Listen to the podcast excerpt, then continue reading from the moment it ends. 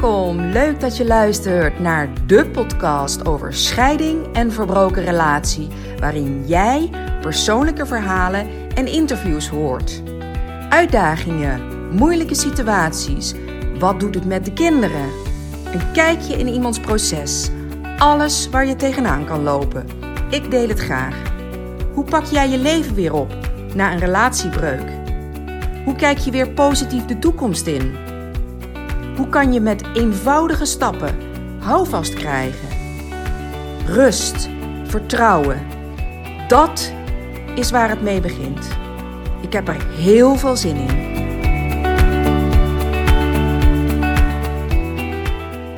Ik ben vandaag onderweg naar Rian Roes. En ik ben even gestopt, want ik ben een zandpad opgereden. En ik wil toch, dit wil ik even met jullie delen. Want het is echt fantastisch. Ik heb nog niet gezien waar ik naartoe moet. Ik heb natuurlijk van haar een uh, routebeschrijving gekregen. Waar ze vertelt dat ik dit zandpad uh, in moet slaan. En ik rij hier heel rustig natuurlijk. En aan de ene kant uh, zie ik water. En aan de andere kant een nest zwanen. Midden in de natuur. Een hele bijzondere plek voor mij overigens. Want ik zit in Winterswijk. Dat is in het oosten van Nederland. In de Achterhoek. Hier is mijn moeder geboren en opgegroeid. En een groot deel van mijn familie, van mijn moeders kant, woont hier nog. En die ga ik ook ontmoeten. Dus het is echt een perfecte combinatie. Ik ga, eerst ga ik een opname maken voor een nieuwe aflevering in mijn podcastserie. Dan ga ik met mijn camper naar de camping in Winterswijk. En van daaruit zal ik, uh, heb ik een aantal afspraken en zal ik uh, familieleden gaan bezoeken. Nou, een betere combinatie bestaat er niet volgens mij op dit moment. Dus uh, ik moest door een poort die open staat. Dat had Rian mij gezegd. En die zie ik inderdaad ook. Dus ik ga die poort nu binnen. En dan rijd ik uh, een heel mooi landgoed op. Midden in het bos. En ik zie daar de joert. En in die joert gaan we de podcastopname doen. Dus ik ga denk ik heel snel stoppen met kletsen nu. Want ik heb zin om te beginnen. En die sfeer uh, ja, is erg fijn vind het natuurlijk prachtig zelf ook. Ik heb zin in de opname. En als je dan op zo'n mooie plek mag komen, dan is het plaatje wel compleet. Het kan niet anders dat, dat dit een succes gaat worden.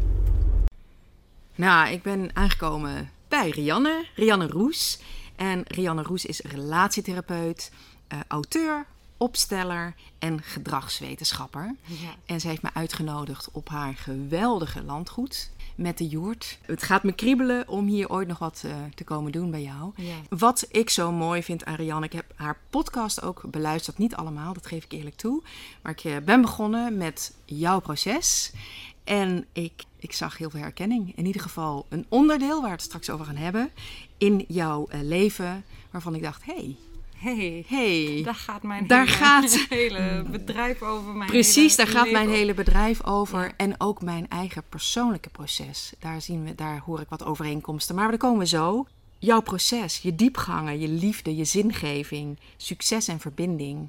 En daar ben ik dus zo benieuwd naar. Hoe is het begonnen en wie ben jij geworden? Waar sta je nu? En hoe ben je gekomen tot tot, waar je nu staat. Tot deze jurt Tot dit, eigenlijk. ja, inderdaad. Blijft dat wel een ding, hè? Zeg je nou jurt of jurt? Het, ja, wat is het? Nou, ja, ik dacht ik uh, zeg- misschien de juppen zeggen jurt. Dan doen we gewoon jurt. ja, want we zitten inderdaad in de Achterhoek in het oosten. Dus we moeten ons een... Nou, we hoeven ons niet aan te passen, maar het is jurt. Ik zeg jurt, ja. Maar Mooi. ik, de jurtbouwers, die kwamen uit uh, Berkhout en die zeiden jurt. Dus, maar jurt klinkt voor mij zo onnatuurlijk, maar goed. Maar goed, de moeite waard om eens naar deze jurt Ja. te komen kijken. Maar de vraag. Ja. Nou, um, super mooie introductie. Heel veel mooie vragen. En um, nou ja, zoals je al aangaf, ik uh, zit op dit moment in een jurt. In, uh, in een landgoed op mijn geboortegrond. Dat is eigenlijk al een heel mooi verhaal. Soms kunnen we beter bij het einde beginnen en dan gaan we van het einde terug naar het begin. Misschien is dat een. Uh, Heel goed. Want ik had vorig jaar, twee jaar geleden, ben ik uit elkaar gegaan met mijn man. En um, toen moest ik op zoek naar een nieuwe woning. Maar voordat je, nou ja, dat zul je beamen en herkennen. Voordat je uit elkaar gaat met iemand met wie je dacht de rest van je leven samen te zijn, uh, gaat daar natuurlijk heel veel beweging en verandering aan vooraf.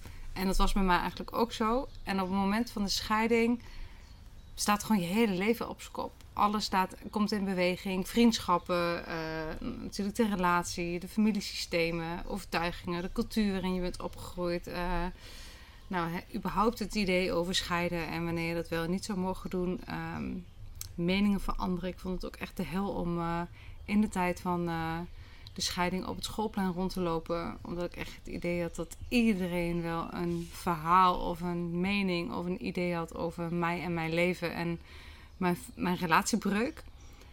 En ja, dat was gewoon echt een enorm pittige tijd. En ik merkte in diezelfde tijd dat ook mijn bedrijf begon te schuiven. Dat was ook al lange gaande. Uh, ik zat een tijdje gehuurd op mijn plek. Nou, dat uh, hield op een gegeven moment op. En op een gegeven moment had ik dus eigenlijk en geen huis meer en geen vestiging meer voor mijn bedrijf. En van daaruit ben ik gaan zoeken naar hoe vind ik nu weer een plek. Letterlijk en figuurlijk eigenlijk. Waar vind ik, waar hoor ik, waar, waar pas ik, waar spreken mensen dezelfde taal, waar voel ik me goed, waar voel ik me thuis.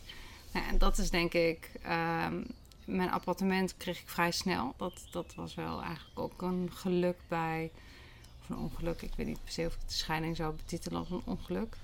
Um, maar dat appartement had ik vrij snel.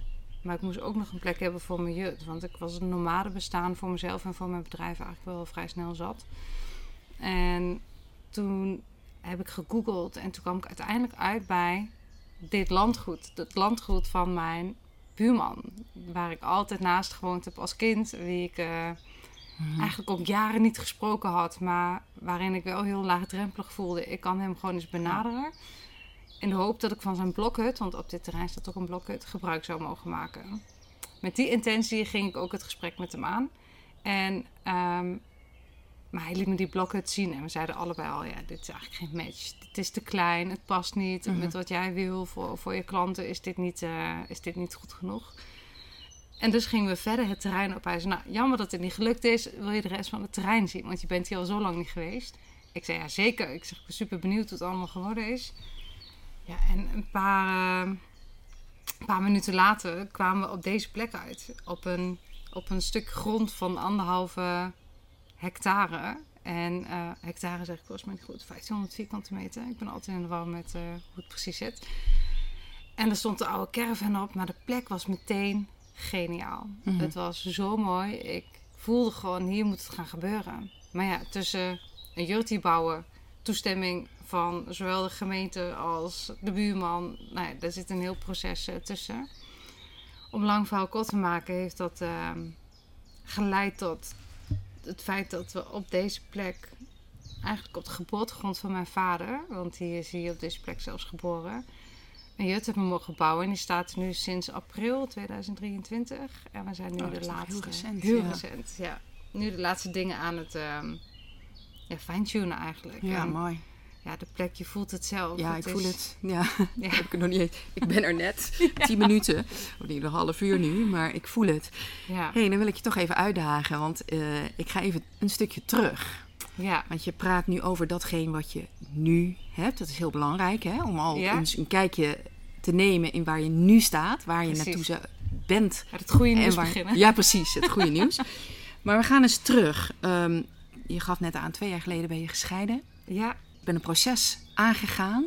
En mijn vraag aan jou, wanneer begon het proces van wat wil ik nou eigenlijk in het leven? Ja, dat, dat, dat kun je eigenlijk pas altijd achteraf zeggen. Ja. Dat is uh, wat uh, Kilal Gibran heet hij volgens mij zo mooi zegt. Het leven dient voorwaarts geleefd, maar achterwaarts begrepen te worden. En ik denk dat het 2018 startte ik mijn bedrijf samen alleen. En ik werkte toen heel erg in het GGZ-systeem, zoals ik dat als gedragswetenschappen geacht werd te doen. Ook binnen een relatietherapiepraktijk werkte ik in het uurtje-factuurtje. Het ging niet zozeer over, vond ik, wat is nu het belangrijkste voor de cliënt. Maar het ging vooral heel erg over, heb je je uren wel gemaakt die declarabel zijn, zodat we genoeg omzet draaien? Wat ik begrijp, want als ondernemer moet je ook gewoon blijven bestaan. Maar het hele stukje menselijkheid miste ik. En daar kwam ik gewoon niet goed uit. Ik functioneerde niet in dat systeem. En dat is eigenlijk denk ik de eerste, uh, eerste verschuiving. En die lijkt misschien heel klein, omdat je denkt, nou ja, dan begin je voor jezelf of kies je een andere baan. Maar nu terugkijkend is dat een soort van het thema van, van alles. Want ik voel dat het hele systeem sowieso niet zo goed bij me past. Dus van daaruit ben ik een eigen bedrijf begonnen. Eerst nog in het uurtje-factuurtje systeem zoals ik het kende. Maar vervolgens... Heb je het dan alleen over het GGZ-systeem of het gehele systeem? Ik begon met het GGZ... Ja, precies. Ik begon met het GGZ-systeem, waar ik me niet zo in kon vinden. En eh, dat breidde zich vrij snel al wel uit naar... wat zijn we hier eigenlijk allemaal aan het doen? Waarom lopen we allemaal als een kip zonder kop... als makke schapen naar de slagbank te doen... wat mensen ergens in een kantoortje Ja. voor ons bedenken... dat we zouden moeten doen? En ehm, daar ben je niet zomaar uit natuurlijk. Want je hebt ook gewoon... We leven allemaal in dit systeem. In, in het ja, in de maatschappij zoals die hier in Nederland is vormgegeven. En dat was allemaal nog voor COVID, voor de, in het eh, pre-COVID tijdperk. Dus toen ben ik een eigen zaak begonnen. En al snel merkte ik, ja, ik ga ook niet in mijn eigen bedrijf dat doen wat ik geacht word te doen vanuit een systeem. En toen ben ik bij een business coach gekomen. Grappig, in het voorgesprek hadden we het er daar al even over. Ehm, en zij was heel erg spiritueel georiënteerd. Mhm. En ze kostte ook een klap met geld. Dat mijn partner ook zei: ja, Jezus, ga je dit geld ervoor uitgeven? En ik zei: Ja, ik snap je, maar ik ga het echt doen. Want ik voel dat ik bij haar eh, moet zijn. Want ik vond het zelf ook bizar veel geld. Dat ik denk: Ja, ik zou er een mooie vakantie van eh, kunnen houden. Maar ik voelde gewoon: ik moet daar naartoe. En ehm, dat is echt wel het punt geweest waarop ik veel meer gelijkgestemden ontmoette. Waarin zij een weten in mij wakker maakte, wat eigenlijk het, eh, het gevoel van, of de behoefte aan autonomie en vrijheid en het volgen van mijn intuïtie alleen nog maar meer kracht bijzetten. Mhm. Ja, en daarin denk ik dat ik en mijn partner ons achteraf gezien al wel, wel wat kwijtgeraakt zijn. Dat is niet de taal die hij bij spreekt, terwijl de spiritualiteit een, ehm, ja, echt een openbaring was voor me. Mhm. Dat ik dacht, ja, hier gaat het of dit heb ik altijd al geweten. Dit, dit klopt zo. Het is zo logisch ineens dat ik ook niet meer van weg kon. Ik wilde er eigenlijk juist alleen maar meer van. En ergens dat jaar raakte ik ook in verwachting eh, van ons tweede kindje. En die, eh, die zwangerschap ging mis. Met best wel veel of ja, drama. Maar de, de miskraam had echt wel wat complicaties. En voor mij was het ook een moment waarop je... Je hebt een soort van mindset dat je... Oké, weet je, we hopen nog een tweede kindje te krijgen. Een kind betekent eh, volle bak verzorging. De eerste vier jaar sta je gewoon weer even in dienst van het letterlijk en figuurlijk in leven houden van je kind. Dus nee, je gaat ervan uit dat je eigenlijk nog in die, in die eerste vier jaar druk bent met de verzorging Ja. van je kind. En dat je daarin gewoon je dromen en je wensen en je doelen op een wat langere baan schuift. Maar nadat ehm, na die miskraam is dus gebleken dat er een afwijking zit in het gen van mij en mijn ex-partner. Die combinatie die zorgde eigenlijk voor dat we, ja, dat we heel veel kans hadden, meer dan 60% op die afwijking. En die afwijking zou betekenen dat we eh kansen hadden op vroeggeboorte van het kindje, een cerebrale afwijking, ehm, maar ook eh, doodgeboorte en dus de miskraam. Nou, toen hebben we gesprekken gehad in, eh, in het Radboud in Nijmegen. En toen zeiden we, ja, weet je, dit, is, dit willen we niet. We weten nu wat de risico's zijn. Het is alsof we een soort van waarschuwing ook krijgen. Ehm, en toen hebben we na een heel proces samen besloten om niet nog voor een derde zwangerschap te gaan. Ja, en dan krijg je gewoon een compleet nieuw perspectief op het leven. Want het leven wat je dacht zou gaan leiden met een gezin met twee kinderen, is niet meer het leven wat voor je ligt. Ineens heb je een basisschoolkind en een relatie. En voor mijn gevoel ook naast het verdriet een zee van mogelijkheden. Van waar ik het ook naartoe zou, zou kunnen gaan met mijn leven. En ik raakte daardoor een beetje in een ehm, identiteitscrisis, denk ik. Ik denk een positieve, maar wel een die, die me eigenlijk nog meer urgentie gaf om het leven te leiden wat er voor mij ligt. In plaats van het leven te leiden wat het systeem voor mij bedacht heeft. En met dat systeem bedoel ik denk ik ook het, ehm, het gezinssysteem, het achterhoekse, het, eh, het, het sowieso het regeringssysteem. En in die tijd kwam natuurlijk ook COVID. En dat eh, ik voelde eigenlijk meteen, ik wil hier niet aan meedoen. Klinkt het heel raar? Maar hoor. ik, eh, Ja, is een keuze. Ja. Ja, en het is een, een, een, bewust. Ik neem aan, ik denk, je bent heel erg bezig geweest met bewustwording. En waar sta ik in het leven? En eh, ben ik, maak ik onderdeel uit van het systeem en de verschillende systemen, wat natuurlijk ook één geheel is. Ehm, en ik denk dat ik me daar ook heel erg in herken. Ja. Ja, Ja. daar zit een onverwachts raakvlak. Want dat wist ik dus niet, dat we daar eh, ongeveer... Ik heb datzelfde gehad. Ja. Bij mij was het in het begin van de COVID-tijd dat ik ook mezelf begon af te vragen: hé, hey, wat vind ik hier nu eigenlijk van? Ja. Ja. En of dat nou COVID is Nee. of een hele andere situatie, dat die COVID heeft mij geleerd om inderdaad bij alles wat, wat zich aandoet te denken: hé, hey, wat vind ik hier zelf nou van? Precies. In plaats van ehm, wat je net ook aangaf. Er, er is een situatie, er is een systeem. Dit wordt dus blijkbaar van mij verwacht. Ja. Ongemerkt, hè? On- Ja. onbewust. Hè? Ja. En, en je doet het een soort van zonder nadenken. Dus waar ik nu zelf wat jij zegt. Kijk, ik vond die COVID niet leuk. Ook omdat ik nog meer zag, heb ik het idee, ehm, dan de gemiddelde eh. Nederlander. Ehm, vond ik het ook een hele mooie tijd. Want het heeft me wel veel meer opengezet. Ja. En veel meer bewuster laten kijken en laten nadenken over situaties. Precies. En nu weet ik, het heeft mij geleerd dat eigenlijk bij alles wat zich voordoet, alles, Klopt. heb ik het, hou ik het op een afstand. En dat is wat ik destijds ook zo nodig had. Nu ga ik het even overnemen, het Ja. verhaal. Nee, dat is maar ook in mijn Juist, relatie. Ja. Dat ik, in mijn vorige relatie dan, hè. En ehm, met, met, met, met, met de vader van mijn kinderen.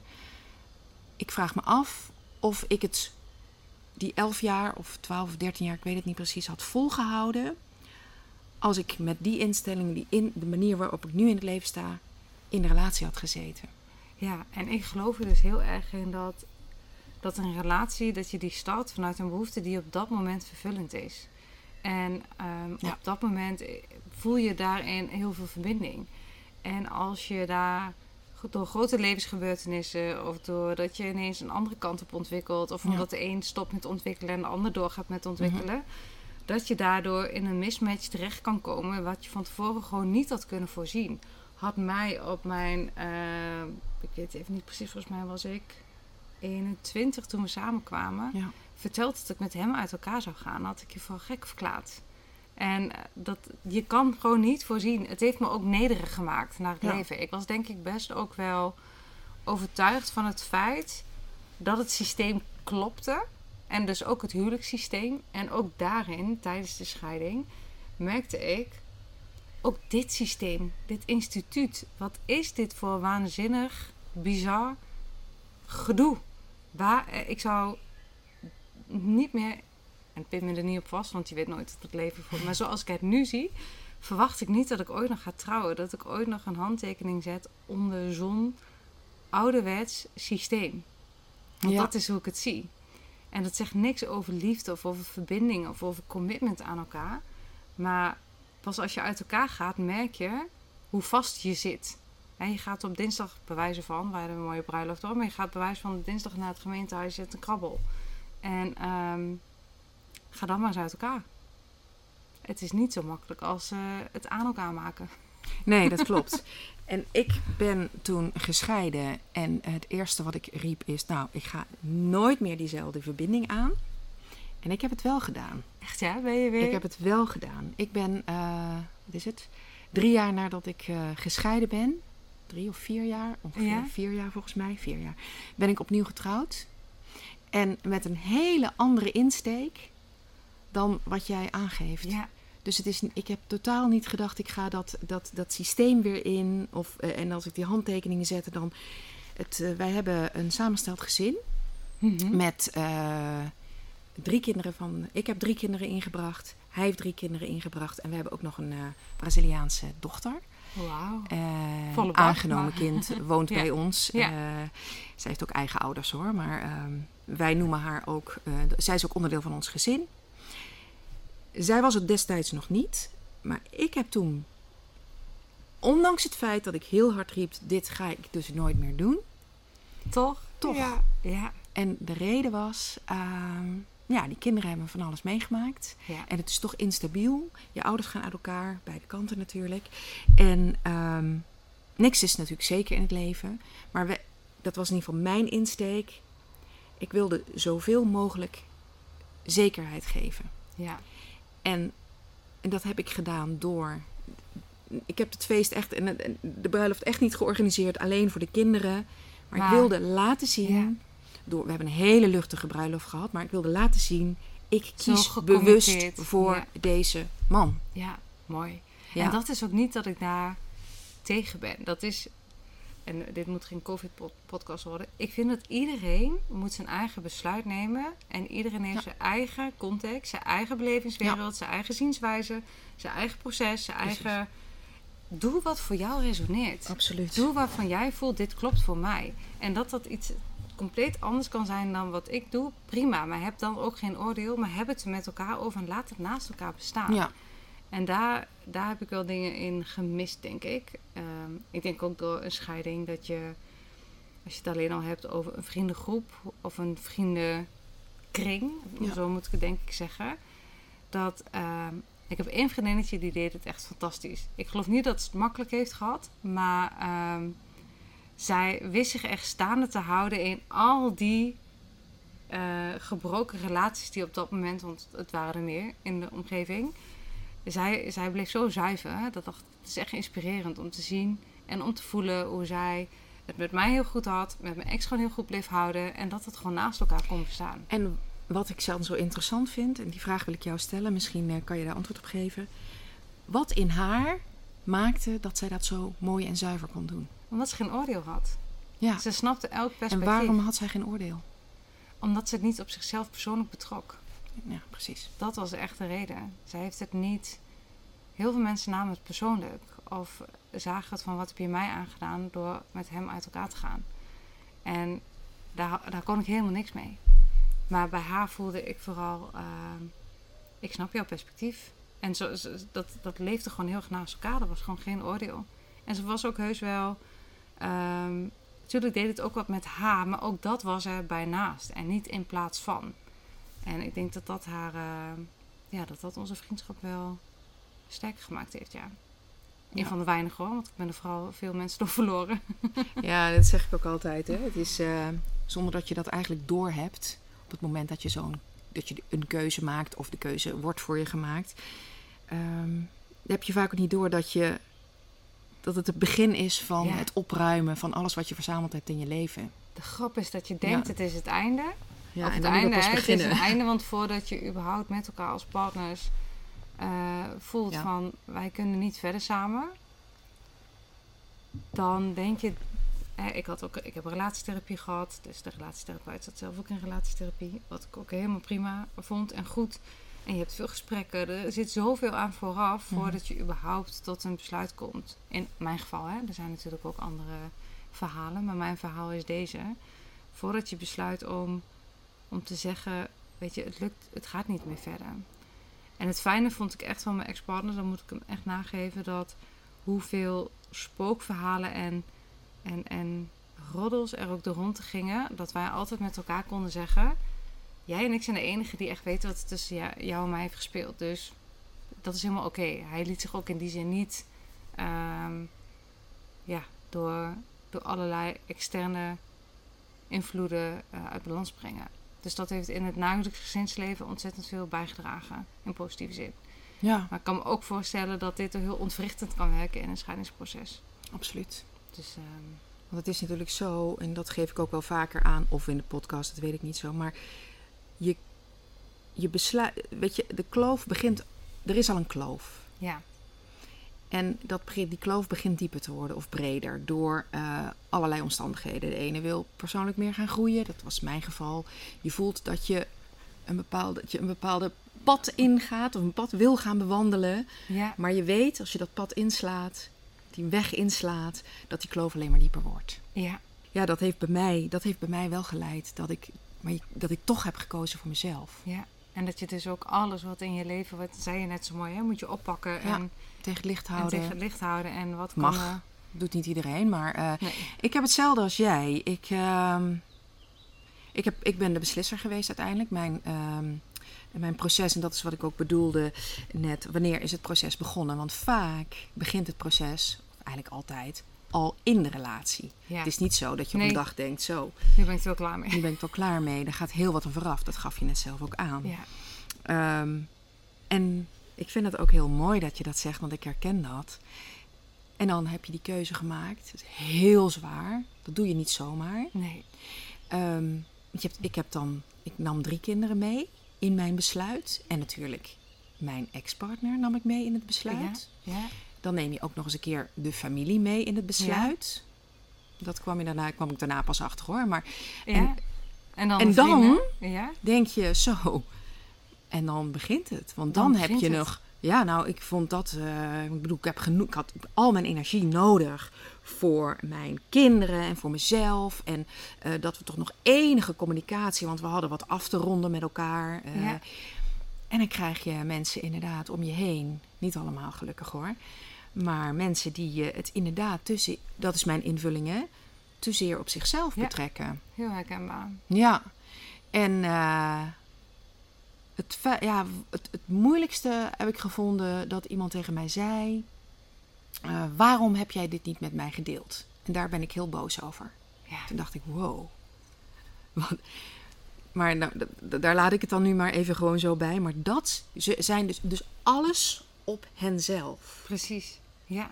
Dat En- merk ik ook. Mensen Ja. zijn echt geneigd om alleen maar te reageren vanuit hun eigen perspectief. En dat is best wel een harde les, maar ook een hele wijze les. Want ik merk ook dat Mhm. Ehm, mijn wereld is echt. Ik was er echt voor, laten we zeggen, ehm, voor COVID, voor die, voor die tweede zwangerschap. Weet je, niks was mij te gek. Ik werkte meer dan fulltime, eh, of meer dan fulltime in combinatie met het gezin. Ik was altijd weg. Elk weekend eh, stond ik eh, op kop op, op de bouw, bij van spreken. En dat is niet meer wie ik het verschil kan bijna niet groter. Dus ik kan me ook heel goed voorstellen dat de mensen uit mijn oude leven, laat maar zeggen, heeft tussen aanhalingstekens, en de mensen in mijn nieuwe leven, dat dat, dat ook niet matchte.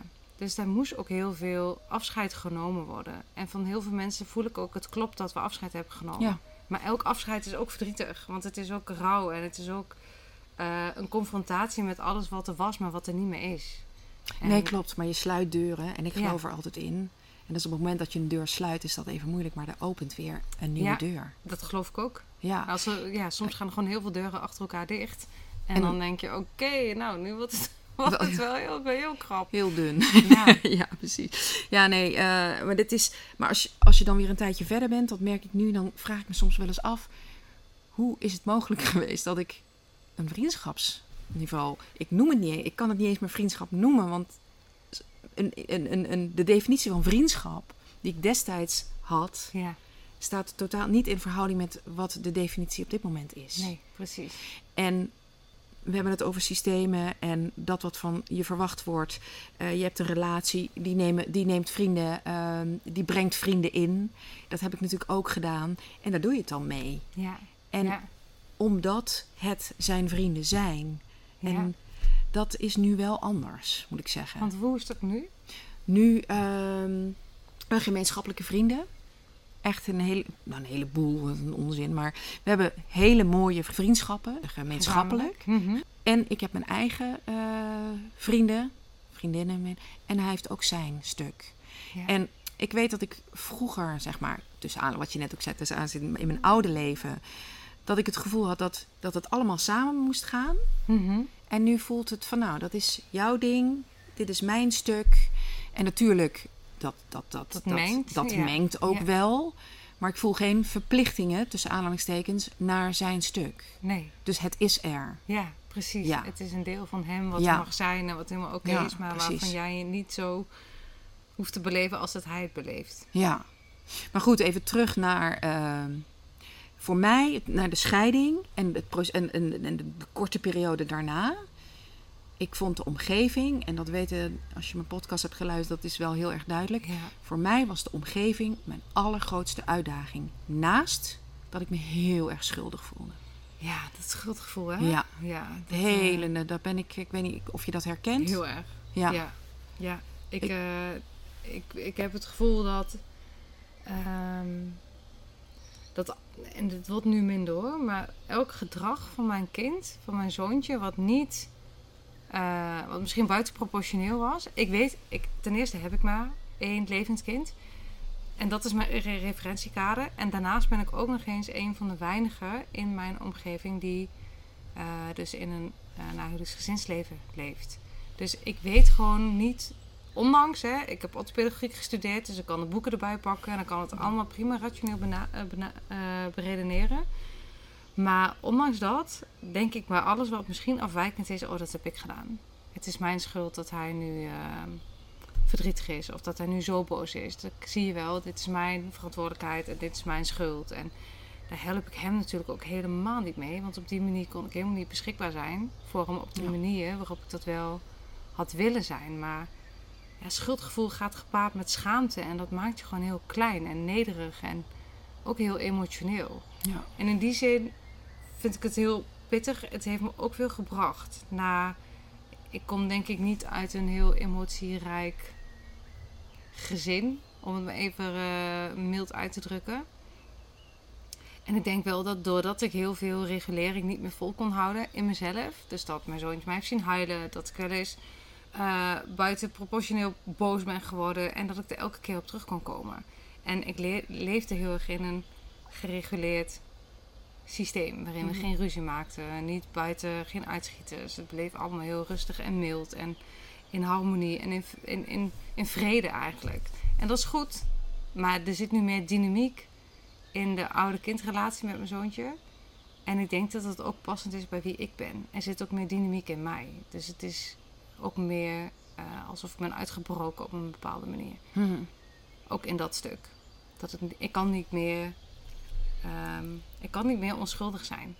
Ik kan niet meer feilloos zijn. Ik kan niet meer perfect zijn in, die, in dat gezin. Want er is een breuk geweest. Dus er is heel veel verdriet.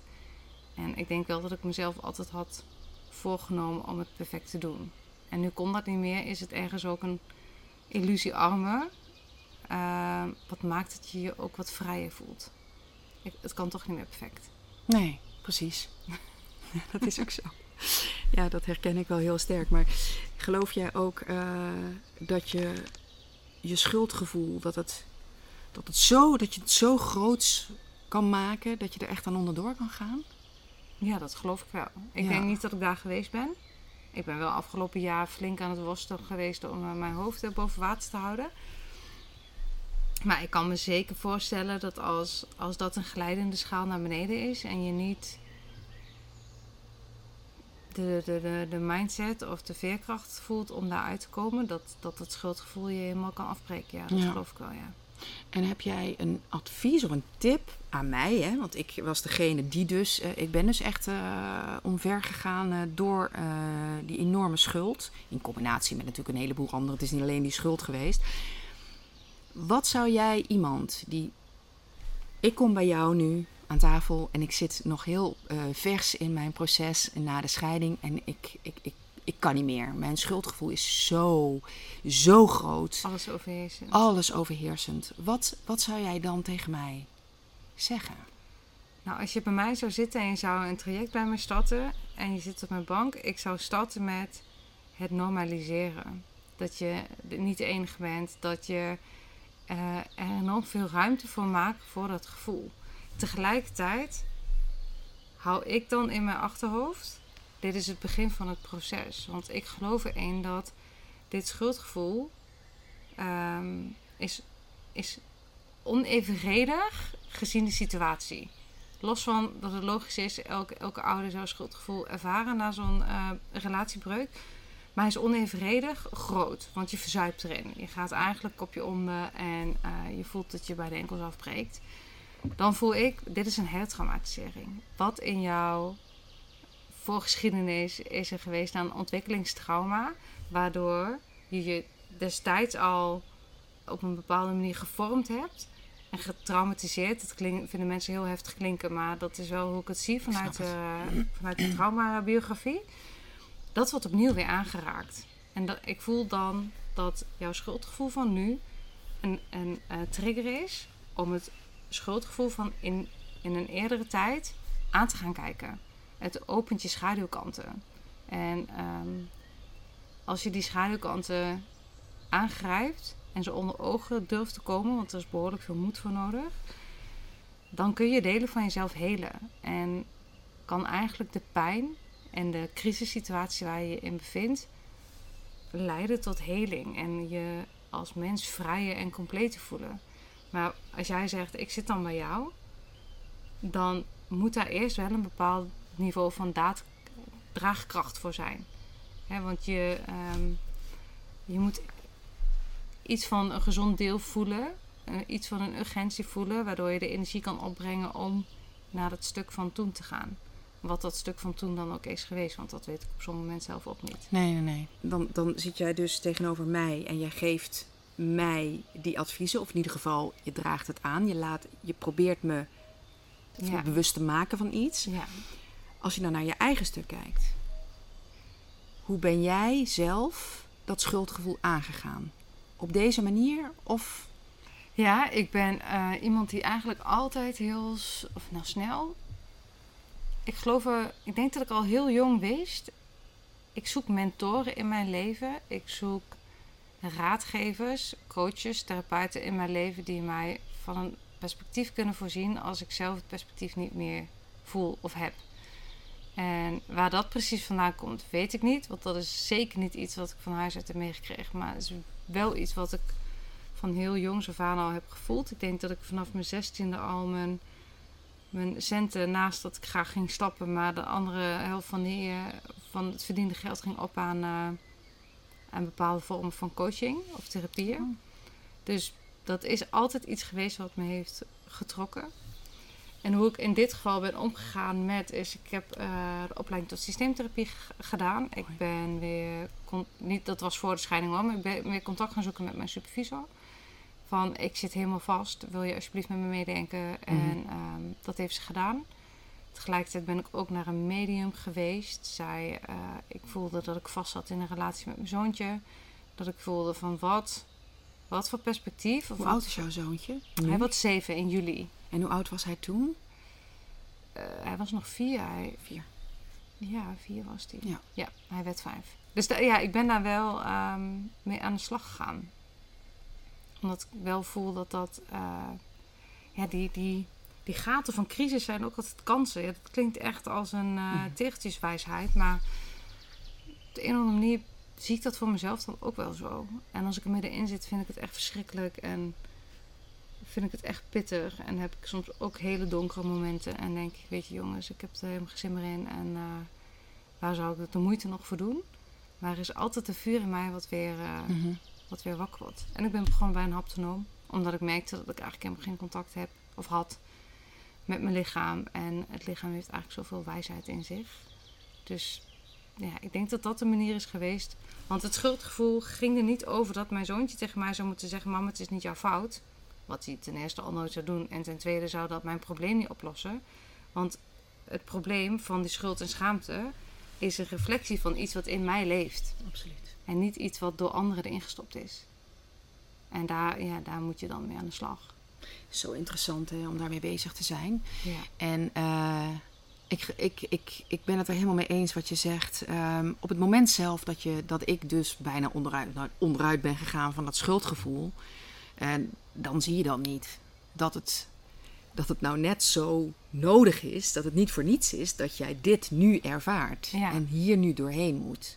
Dat zie je niet. Maar nu als ik terugkijk, Dan zie je het wel. dan zie ik het. Zeker. En ben ik, ik zeg het even, want dat ziet niemand, maar ook tussen eigenlijk dankbaar. Ja, ik ben eigenlijk wel heel dankbaar, niet eens tussen aanhalingstekens, dat ik dat proces ben aangegaan. Ja. En dat het dus, dat er iets is geweest dat heeft besloten of bepaald dat ik daar doorheen moest om verder te kunnen. Precies. En daarom eh, geloof ik ook heel sterk in de trajecten. Ja. Dat mensen komen bij mij.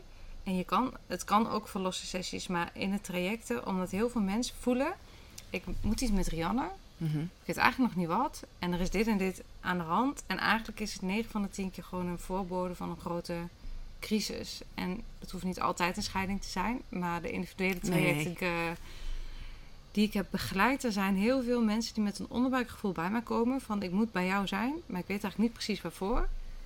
Want ik heb het eigenlijk best wel op orde. Ik heb een leuke relatie. Ik heb een goede band met mijn ouders. Ik heb een baan. Ik heb uh, uh, een mooie woning.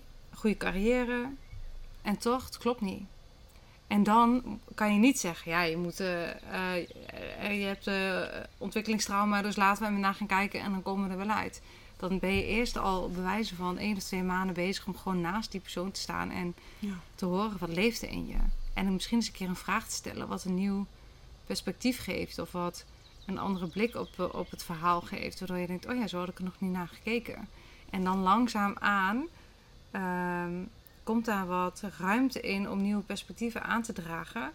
Want wij mensen leven in een overlevingsmechanisme. En een overlevingsmechanisme werkt het beste als die gewoon in stand gehouden kan worden. Dat er geen barsjes in gemaakt worden. Dat er geen uh, moeilijke vragen gesteld worden. Dus het, het, uh, het vraagstuk waar mensen mee komen is dan vaak eigenlijk ontmantel mijn overlevingsmechanisme, want het verstikt me. Maar dat weten ze zelf Nee, niet. dat wilde ik net zeggen. ik, was, ik ging heel nee, snel denken. Ja, ik denk, dat is hoe ik het hoor. Ja. En dat is eigenlijk de taal die zegt... ik voel dat ik bij jou moet zijn... maar ik weet eigenlijk nog niet precies waarvoor. Want als ik het rationeel benader... heb ik een heel mooi leven...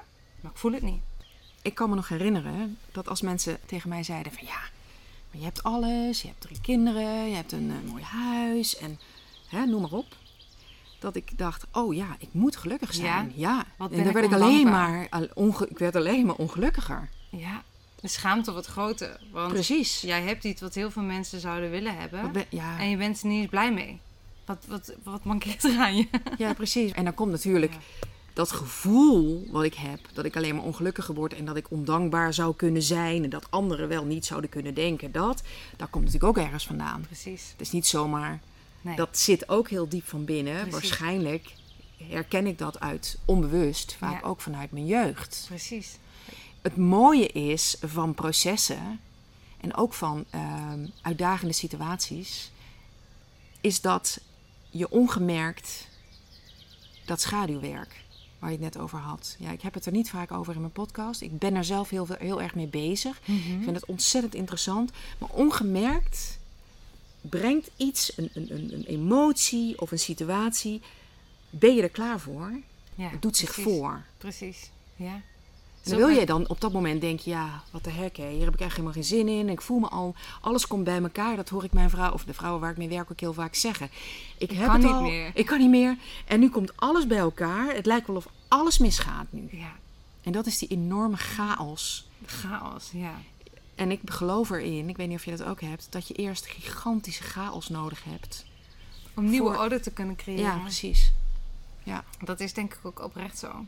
Ja. En ik denk dat, dat gebeurtenissen in je leven ook niet, wat jij zegt, het kent, alles is een divine timing. De vraag is alleen of je zelf al, alsof je, hè, of je het voldoende op kan merken om er ook mee aan de slag te gaan. Als ik kijk naar mijn miskraam en misschien is het dat is ook mijn hoofd hoor, die daar dan zeker de achterhoekse nuchterheid die daar dan toch doorheen gaat. Van ja, je kan alles uh, mooi uh, achteraf mooi goed praten. Maar ik geloof wel dat die miskraam voor mij een soort van stop was. Wat ben je nou aan het doen? Ga eens nadenken. Alsof het toch nog, hè, ik was wel in beweging, maar alsof het toch nog weer een harde klap nodig was om, om mezelf stil te laten staan. Om te evalueren bij, bij het leven wat tot dan toe aan het leiden was. Klopt dit wel? Ja, en dan, dan begint echt chaos. Ja. Als, je je, die, die, die, als je je dat echt gaat afvragen: van uh, wat ben ik eigenlijk aan het doen? En je bent gevoelig voor dat antwoord, dan ontstaat er heel veel chaos. Ja. Ja. Dan is er, uh... En je wordt natuurlijk ook van je, van je apropos gebracht door de omgeving. Precies. Ja, daar, hadden, daar hebben we het net uitgebreid over gehad. Dus je hebt zelf al de vraag: wat ben ik eigenlijk aan het doen?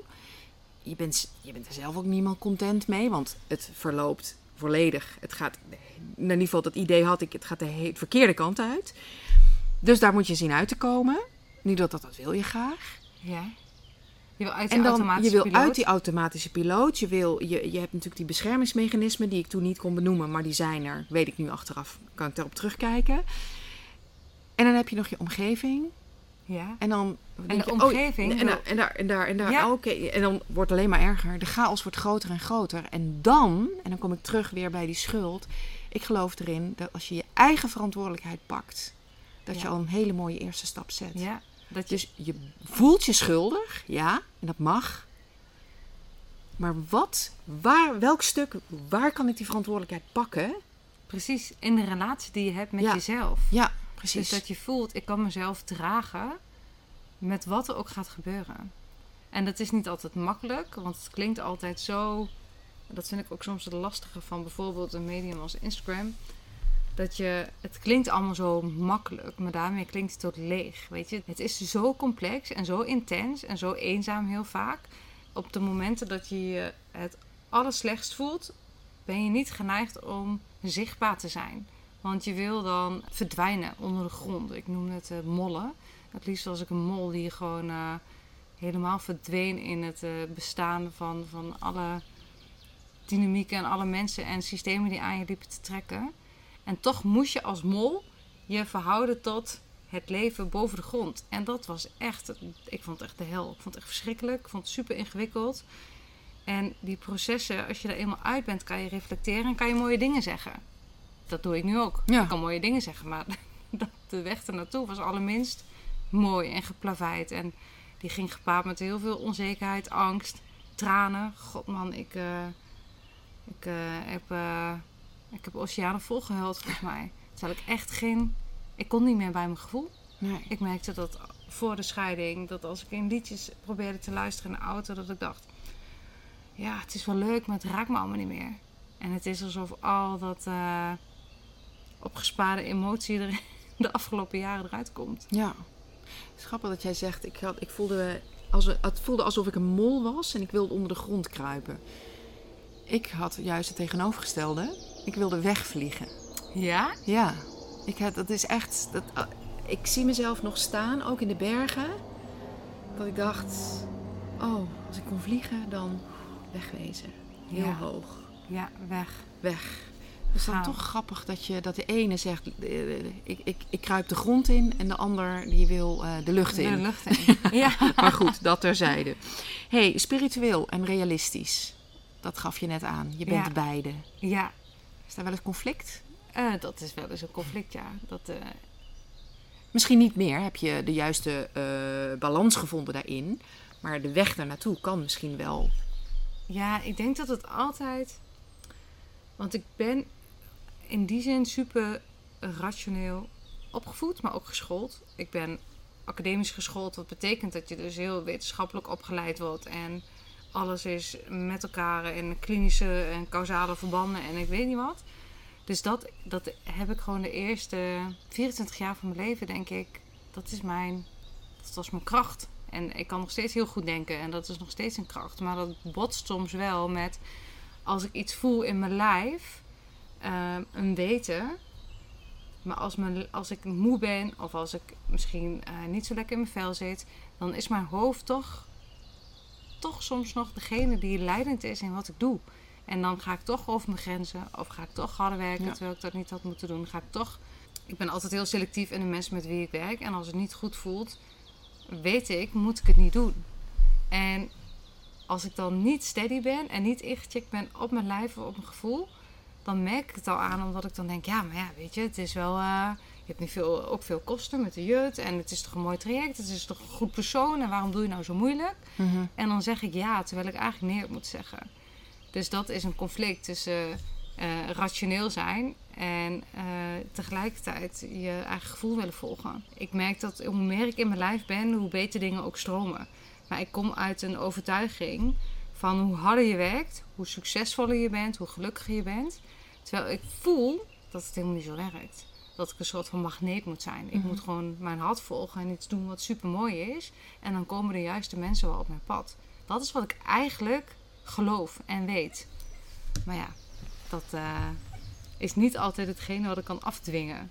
Mijn Nee. hoofd eh, neemt soms wel een loopje mee. Nee, nee, nee, dat klopt. Het is, het- en het zal ook zo blijven. Het is echt niet zo dat jij, als je volledig getraind bent, dat je alleen nog maar vanuit je hart leeft. Nee. Je weet het. En Ja. op het moment dat je, omdat je het herkent, Ja. kan je er iets mee. Ja, dat klopt. En het en dat is het mooie van bewustwording. En ik heb het ook, hè. Ik ben, ik ben rete goed in mijn grenzen aangeven. Ja. Maar juist omdat ik het weet, is het ook niet zo erg om er eens overheen te gaan. Omdat ik weet waar die ligt, en wat, hoe ik er moet teruggaan. ja. En ehm, ik heb natuurlijk ook wel eens, ja, ik noem het cliënten vrouwen waar ik mee werk. ehm, waarvan ik denk, ah ja, dat is niet, dit, eh, hoe. Ik weet niet of ik hier nou zo nou, blij, blij van word. Ehm, want mijn, wat voor mij heel belangrijk is, dat ik er energie krijg van gesprekken. Ja. In plaats van dat het me heel veel energie kost. Goed, dat gaat natuurlijk niet altijd. Dat geef je zelf ook aan. En dat heb ik ook. Ik heb wel eens een vrouw eh, tegenover me zitten of in de Zoom-sessie. Waarvan ik denk, oeps, dit kostte me wel weer energie. Maar ik gebruik het weer om Beter af te stemmen. beter af te stemmen. Wat in mij maakt dan dat dit me zoveel energie... Hoe kan ik het, ja. hoe kan ik het draaien? En dan ga ik toch... Sommige cliënten ga ik toch mee door ja. omdat ik het ook weer een, eh, een heel mooi onderdeel, een nieuw deel van mijn proces, een stukje diepgang Ja. bij mezelf. Ja. En wat bijzonder is daarin, eigenlijk allemaal worden dat mijn favoriete, Ja, mooi is dat, hè? ja, favoriete Ja. cliënten. Ja. Ja. ja Omdat zij is- mij, ik, ik leer uit ieder gesprek, en dat zeg ik ook, en het is ook echt oprecht zo. Ik leer, na ieder gesprek heb ik weer wat bijgeleerd.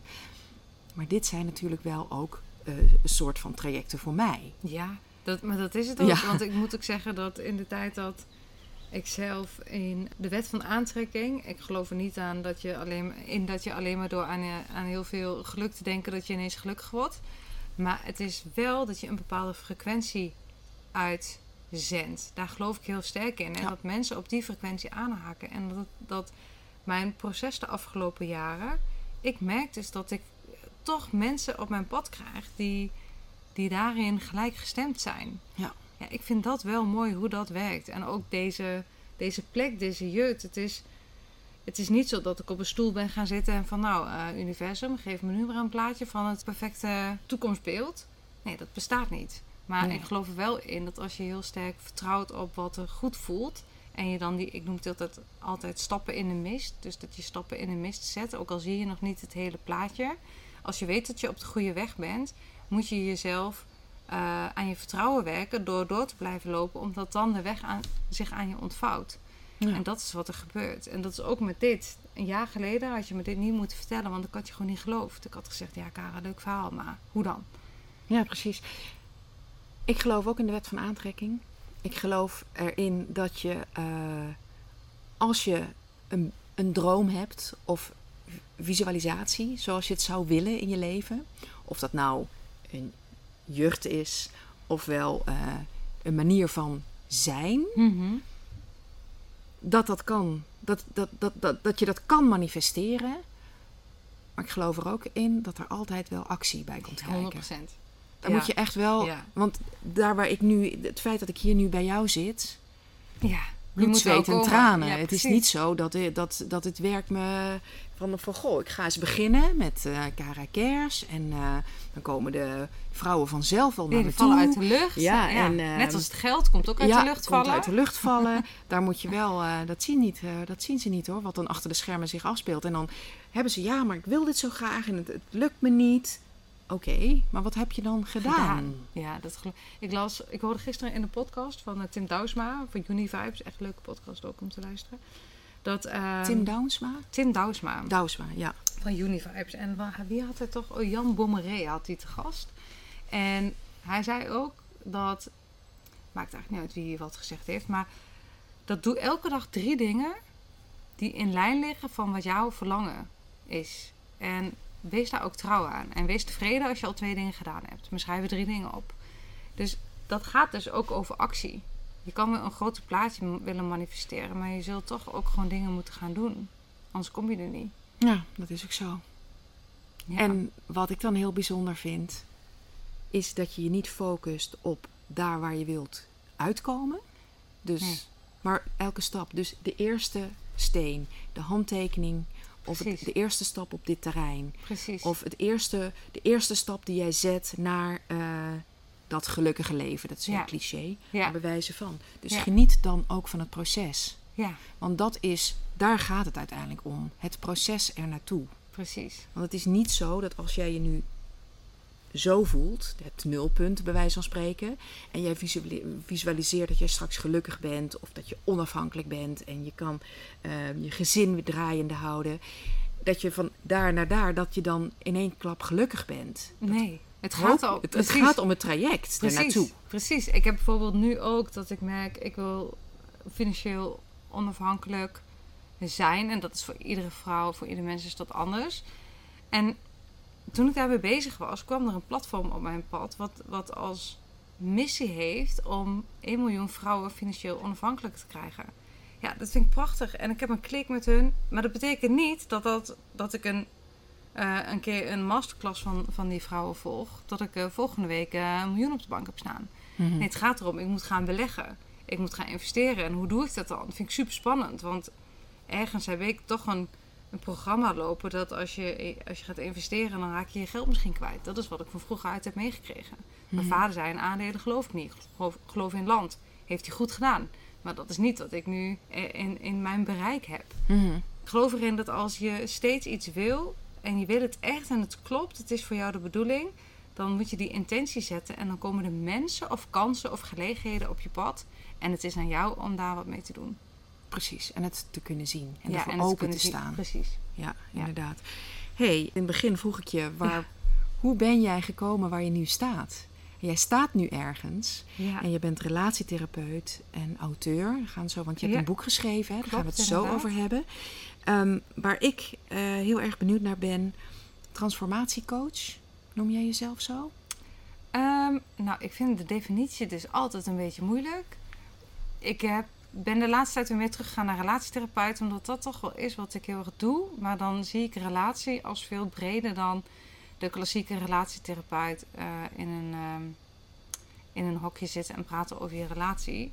Als je de oorspronkelijke systeemtherapie, dat is eigenlijk relatietherapie, ehm, eh, als je die beter bekijkt, gaat dus relatie over het feit dat jij in relatie staat tot. Dus dat je bestaat in de blik van de ander. Dat je bestaat in relatie tot je gezin van herkomst. In relatie tot de maatschappij waarin je leeft. In relatie tot de cultuur waar je vandaan komt. Dus veel minder eh, relatie als een koppel. Maar veel meer hoe jij je verhoudt in de context waarin je leeft. Dus in die zin vind ik relatietherapeut nog steeds het meest passend. En dat ik daarin bijna alleen maar transformaties begeleid. Ja, dat is een beetje de, het gevolg daarvan. Denk je dat niet, ja, ik wil niet zeggen iedereen, transformaties doormaakt in het 100%. leven? Ja, ja, daar, Ja. het is grappig dat je mijn boek noemt. Want in het boek heb ik daar ook over. Dat ik geloof erin dat ieder mens drie hele belangrijke levensfase-overgangen, drie transformaties in het leven door te maken heeft. En dat de eerste fase gaat heel erg over het hoe. Dat wij ergens van ons nulde tot ons 25ste proberen na te doen wat ons is voorgedaan. En we willen heel graag dat huis, die carrière, de auto, het, het mooie leven, het perfecte plaatje eigenlijk. Want we denken dat als wij het hoe voor elkaar hebben, dan voelen we ons van binnen waarschijnlijk ook gelukkig. En 9 van de 10 keer heb je het hoe voor elkaar en denk je shit, ik ben toch niet zo blij als dat ik dacht. En dan ga je naar het waarom. En dan ga je veel meer je why onderzoeken. En dat is zo'n transformatie. Mhm. Als je niet meer vraagt hoe en wat, maar waarom, heb je compleet andere antwoorden. Dan ben je niet meer op zoek naar het grootste huis of naar de duurste schoenen of naar de weet ik veel, mooiste auto's, maar ben je op zoek naar zingeving. En ga je dus heel op zoek naar eh, waarom doe ik de dingen zoals ik ze doe. En dat gaat over In de plaats essentie. van waarom wil ik dat huis kopen? Ja, of waarom wil ik dit huis kopen? Ja. Die vraag, als je die vraag stelt, waarom wilde ik dit huis hebben? Ja, dat wilde ik omdat ik dacht dat het me een goed gevoel zou geven. Of omdat het dan het plaatje compleet Mhm. was. Omdat ik dan gelukkig zou zijn. Maar als dat het niet meer is, dan kan je je afvragen, waarom wilde ik dit huis dan nog? Ja, dan hoeft het voor mij niet meer. Als het alleen maar om die stenen gaat. Ja. En er kan natuurlijk ook een vastgoedinvestering achter zitten. Maar dan is het weer een andere waarom. En dan past er misschien wel weer beter in je waarom.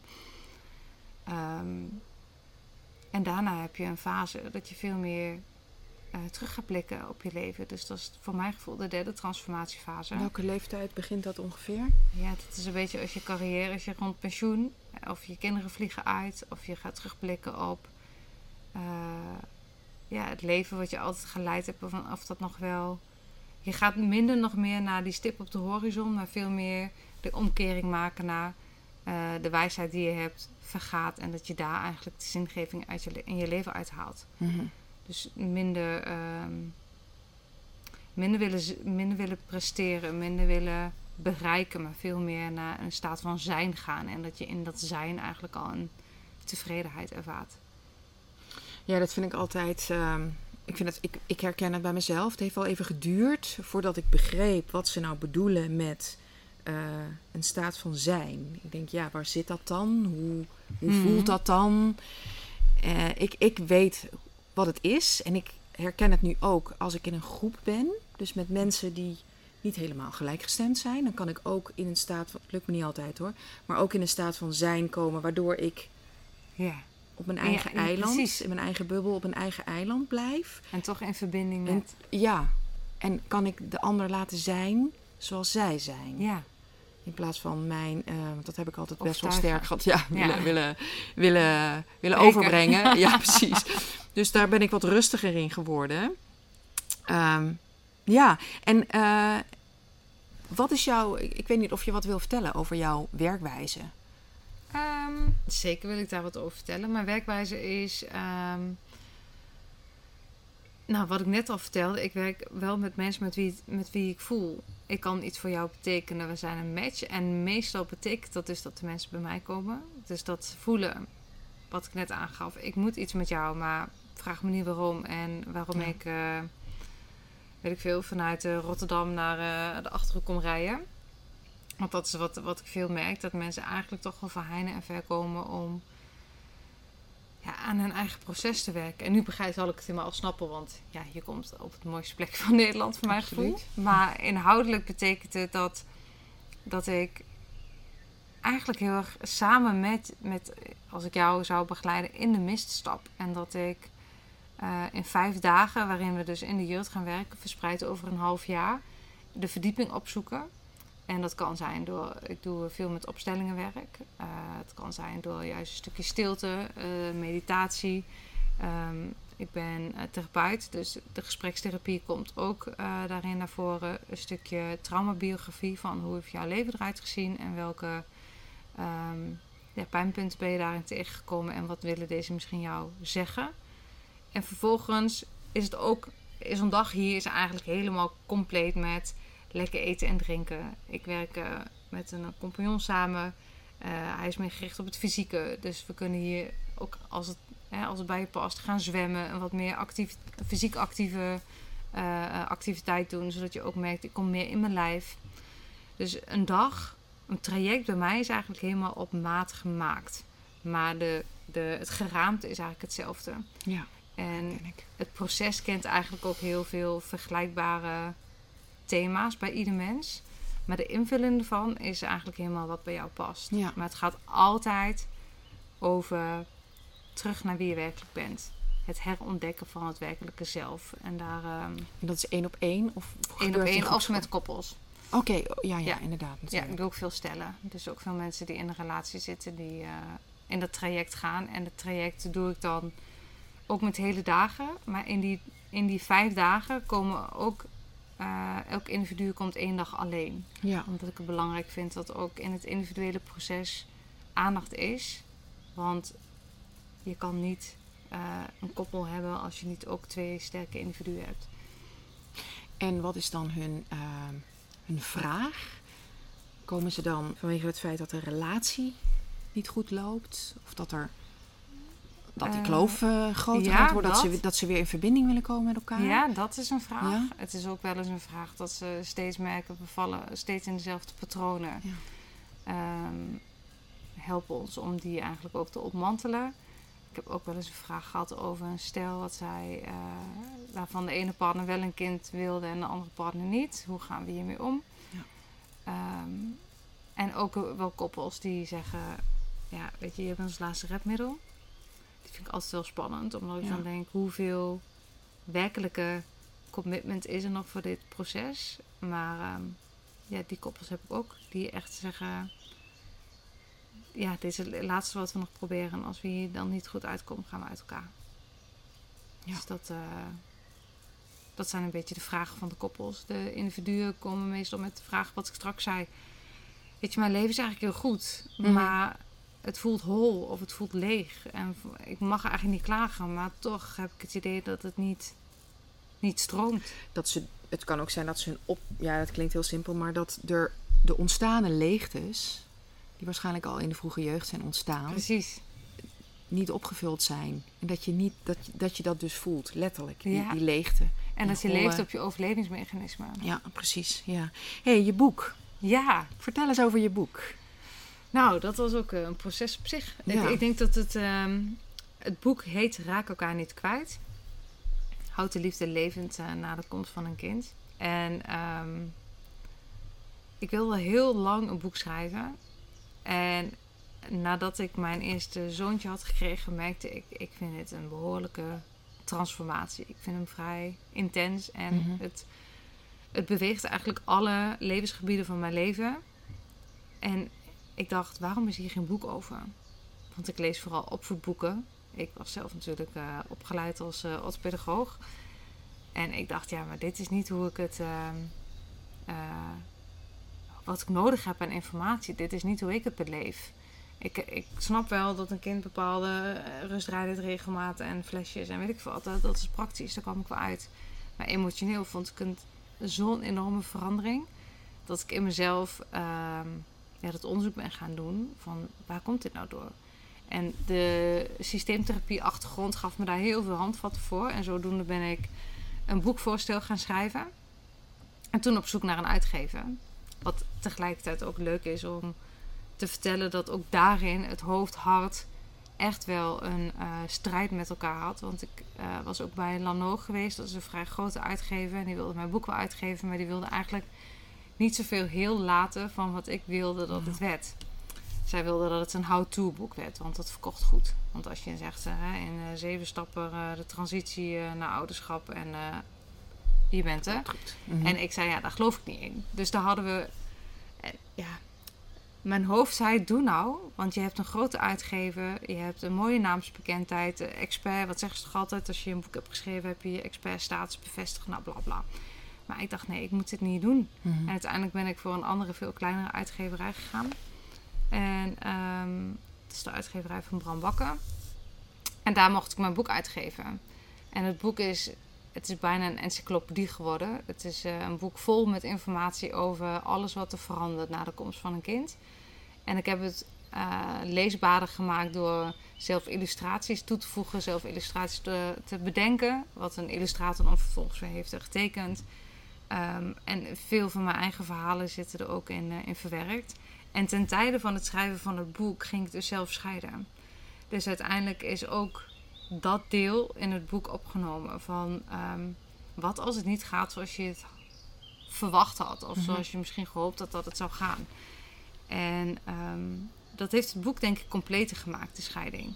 Omdat al zou je alles doen wat in het boek staat, zul je, want dat heb ik gedaan, zul je alle kennis implementeren in je leven, zul je alle illustraties te hatten nemen en, en kan je helemaal begrijpen wat er gebeurt, dan nog heb je geen garantie dat de liefde levend blijft. En dat is eigenlijk wat het boek ook, ehm, doordat het in de tijd van mijn scheiding is geschreven, zo compleet maakt. Omdat het niet. Eh, wat ik veel van de how-to boeken vind, is als je dan een zeven stappen plan en je houdt je aan de zeven stappen en het is niet gelukt, dan is het dus jouw fout dat het niet gelukt is, want het boek is goed. Ja. En daar geloof ik gewoon niet zo in. En ik vind het nu. eh, ja, het ontleedt het hele. De hele transitie naar het ouderschap. Van wat gebeurt er als je van een relatie van twee naar drie gaat. Hè? Want je bent eerst alleen als koppel en vervolgens krijg je een kind. Wat verschuift er dan in de dynamiek van die relaties? Eh, wat verandert erin? Ehm, het bijvoorbeeld het gezinssysteem. En eh, welke overtuigingen, regels, normen en waarden krijg je mee van je ouders, van je cultuur, van je maatschappij. Maar hoe verhoud je jezelf tot al die Eh, dus eigenlijk ook weer, wat, wat resoneert bij jou? Ga je doen wat je altijd is voorgedaan? Of ga je kijken om je eigen pad te bewandelen? En wat ik merk is dat hoe meer koppels hun eigen pad bewandelen, hoe meer kansen hebben om als koppel samen te blijven. Ja. Nou, dat geloof ik ook. Ja. Ja, want ik, eh, ik heb ook wel eens eh, vrouwen, dan hebben ze de keuze nog niet gemaakt om, te, om, om de relatie te beëindigen. Want ik krijg dan vrouwen bij mij aan tafel, die willen het tegen het licht houden. En dan geef ik ook heel duidelijk aan, het is altijd goed om met jezelf aan de slag te gaan. En naar binnen te gaan en kijken, wie ben ik nou eigenlijk en wat wil ik nou eigenlijk en wat heb ik te doen in dit leven. ja. En de vraag of je blijft of weggaat, doet niet, Niet ter zake. Nee. Want je kan ook met jezelf aan de slag gaan en uiteindelijk tot de conclusie komen dat het ook samen met die partner kan. Precies. Ja, Precies. want je- 100%. Ja, Ja. en dat is wat ik. Wat, en dan, dan, dan zijn ze vaak ook wel een beetje overdonderd van: Goh, maar je- het gaat er toch om dat ik bij jou kom voor een scheiding? Nee, daar gaat het niet om. Het gaat erom dat jij met in jezelf het de slag proces gaat. in het proces gaat. En of er nou een partner is, of zo, of dat met partner is of zonder partner. Precies. En ik geloof er uiteindelijk in, als het je lukt om dat proces aan te gaan, dat uit, en je kiest ervoor om met die, met die partner te blijven, dat het een grotere kans van slagen heeft 100%. uiteindelijk. Omdat je met elkaar Ja. eh, een transformatie doormaakt. Ik heb nu eh, een individueel, eh, individuele klant, maar zij zelf heeft met haar partner ook relatietherapie. En zij voelen ook, wij gaan van het hoe naar het waarom, maar met z'n tweeën. En dat is eh, pittig, zegt ze ook wel, maar het is wel mooi, want het is een transitie die je bereid bent samen te maken. In ieder geval de intentie hebt om hem samen te doen. Want heel vaak is het ook wat jij aangeeft. En dat merk ik ook, dat dat toch nog iets vaker de, de, de vrouw dan de man, dat ze individueel met een hulpvraag komen die bijna altijd relationeel is. Dus ik vond het echt heel mooi dat ze zij dus als koppel voelde, eigenlijk gaat het best goed. Maar we gaan toch aan onze relatie werken, omdat we voelen, er is zoveel gebeurd, er is zoveel veranderd, zoveel in beweging. We willen elkaar weer eh, in deze nieuwe laag leren kennen. Want we zijn misschien al wel twintig jaar samen, maar we moeten ook eh nieuwsgierig blijven. En elkaar op dit eh, niveau en deze laag van bewustzijn ontmoeten. Nou, en dat vind ik dan, en dat ben ik helemaal met je eens, als je daar dan goed doorkomt, ja, dan bestendig je de relatie enorm. Ja. Kan je het moment, want het kan ook wel zijn dat je wat, dat het wat te laat is, hè? dat je er te laat achter komt Ja. en dat er zoveel stuk Klopt, is. zeker. Is er, eh, want niet iedereen ziet dat. Ik denk dat er maar weinig mensen dat zien, omdat je zo in, die, in het systeem en in die patronen zit. Precies. Zijn er herkenningspunten? Dat je denkt, hé, hey, als je Ja. daar. Ja, Die zijn er. De herkenningspunten zijn vaak heel klein. En zo klein dat je denkt, het is niet zo, eh het doet niet zo te zaken of zo. hè. Mhm. Dit is, ehm, daar kan ik wel mee leven. Want dat is wat we ons vaak afvragen. Ons mechanisme wil ons heel erg houden, net als al die mensen om ons heen, die willen ons heel erg houden op de plek waar we zijn. Want als we blijven op de plek waar we zijn, houden we het patroon in stand. de comfortzone. De comfortzone, Mhm. precies. Want ehm, het mooie is dat je dus maar... Je hebt twee mensen nodig om een relatie in stand te houden. Je hebt maar één iemand nodig om de relatie in beweging te brengen. En dat geldt eigenlijk voor alles. Maar heel veel mensen stellen het in beweging brengen van die relatie uit... omdat ze dan in een overlevingsmechanisme zitten... en denken, ja, zo erg is het allemaal niet. Maar als je al voelt... ehm, Goh, weet je, ik zit niet lekker in mijn baan. Of eh, er is misschien een sterfgeval geweest in de familie. Of ehm, eh, je hebt een kinderwens die onvervuld is gebleven. En je gaat dus definitief een. Dus het zijn geen kleine dingen hoor. Maar het zijn ehm, wel misschien kleine gevoelens. Waarvan je denkt, ja, je zijn we samen goed uitgekomen. Maar het betekent ook iets heel nieuws voor de relatie. En dat je dan bereid bent om in die arena te stappen en te zeggen: ja, dit moeten we beter onderzoeken. Want dit betekent niet alleen iets voor onze individuen, maar dit betekent ook iets voor ons gezamenlijk. En eh, zodra je dus andere vragen gaat stellen dan dat je altijd jezelf hebt gesteld, dan is dat een reden om toch te kijken welke beweging, welke beweging komt nu op gang. Het zijn echt een beetje de. het is een beetje als je elke dag een, een, een, een snoepje neemt of eh, een zak chips en denkt van ja, weet je, het, het maakt niet zoveel uit.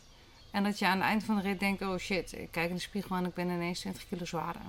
Het, zijn, het zit hem dus echt wel in de kleine, ja, de kleine veranderingen. En hoe sneller je erbij bent, hoe sneller je ook weer op Ja. de rails bent met elkaar. Ja, precies. In het geval dat je Ja, het toch nog een kans wil Ja, geven en het toch nog wel ziet dat het... eh, precies. vaak is het toch ook nog het basisgevoel van de basisliefde. Ja, Als je nog voelt dat die er is, precies. dan kan... eh, Ja. Ja, dan kan, eh, kan dat Ja. echt wel weer een vlam worden. Precies, absoluut. Nou, wat een heel mooi gesprek. Ja, En ik ga nu... Die koekjes die zitten me heel tijd aan te kijken. ja die ga je kan ik eten. natuurlijk niet opeten als ik aan het praten ben. Ja. Ik krijg zo'n eh, ruis op de lijn. Dus eh, ik wil je heel erg bedanken voor Jij dit ook. gesprek. Ja, dankjewel. Waardevol en mooi dat we elkaar hebben gevonden. Vond ik ook.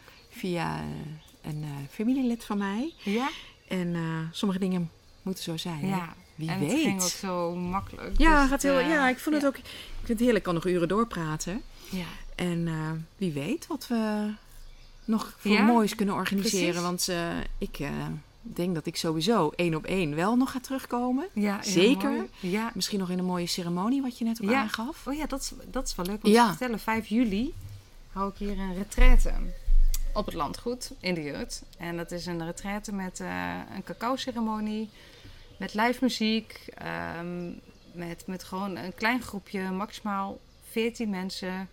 Eh, we gaan wat ademwerk doen, meditatie, echt een dag. Dat is ook wat cacao doet, die, die brengt je, ja, die zet je hart open, brengt je dichter bij je ware ik, dichter bij je gevoel. En nou ja, dat is eh, een ceremonie waarin we echt met elkaar die diepte van onszelf opzoeken. Voor, Voor wie is het? wie is het? Eh, voor mannen en vrouwen Ja. die ehm, misschien nieuwsgierig zijn naar het ceremoniewerk. Dus je hebt, ehm, als je een cacao-ceremonie hebt, dan zit je met elkaar in een cirkel. Dan begin je met het, eh, het delen van een intentie van waar wil je graag naartoe of waar wil je graag gaan werken. En de cacao is een middel wat je hart heel erg openzet. Dus het is ceremonieel. Dat moet je wel aanspreken. Het is in een groep. Dus het is voor mannen en vrouwen die ehm, misschien nog heel graag aan het begin staan van, van een stukje ce- ceremoniewerk. Of mensen die al meer ervaren zijn. Want ik heb twee dames die, ik, eh, die zelf heel veel ervaring hebben met ceremonies. En bij wie ik ook meerdere ceremonies al gedaan heb.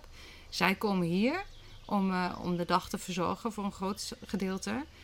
Ja, en voor de rest is het voor iedereen die dichter bij zijn gevoel wil komen. Die voelt, ik eh, ga aan op dit gesprek. Want dat zal wel een beetje ook de sfeer van de dag worden. Ehm, ik wil graag ontspannen op een prachtige plek met vogels en groen gras en hangmatten. En, eh, en een heerlijke stilte opzoeken in mezelf. En tegelijkertijd verbinden met, eh, met andere mensen. Ja, mooi. Ja, Nou, het spreekt mij aan. ja het was en ik op leuk. 5 juli heb ik nog niks. Oh, dus, superleuk. eh, ja, ik denk dat ik mogelijk deze kant weer het uitrijd. zou heel leuk Ja, zijn. het lijkt me echt heel tof om te doen. welkom, ja. Ja, het is voor mij de eerste keer. ja. En het eh, grappige is, ik ben misschien af en toe ook ben heel realistisch. Als ik dan aan cacao denk, denk ik dan ook echt aan cacao. Cacao. Ja, Ja, het is dus? rauwe cacao. Oké. Ja. Dat Ja. dacht ik al. En eh, dus dat, daar zit ik goed. En ja, ik wil je gewoon heel erg bedanken. En Ja. ik hoop je echt weer terug te zien. Ja, dat gaat goed komen. Ja, Dat komt goed. Dat voel ik. Dankjewel nou, ik voor ga het het koekje eten. Ja. Heel fijn dat je luisterde naar deze nieuwe aflevering. Ben je geïnspireerd geraakt en vind jij het ook zo belangrijk dat anderen zich gesteund voelen door deze verhalen, zich erin herkennen? Ja, want je bent niet de enige. Laat dan een review achter in bijvoorbeeld iTunes. Of deel het door middel van een screenshot op Instagram of Facebook. Daarmee help je mij, maar vooral anderen. Dank je wel voor het luisteren. Tot in de volgende aflevering.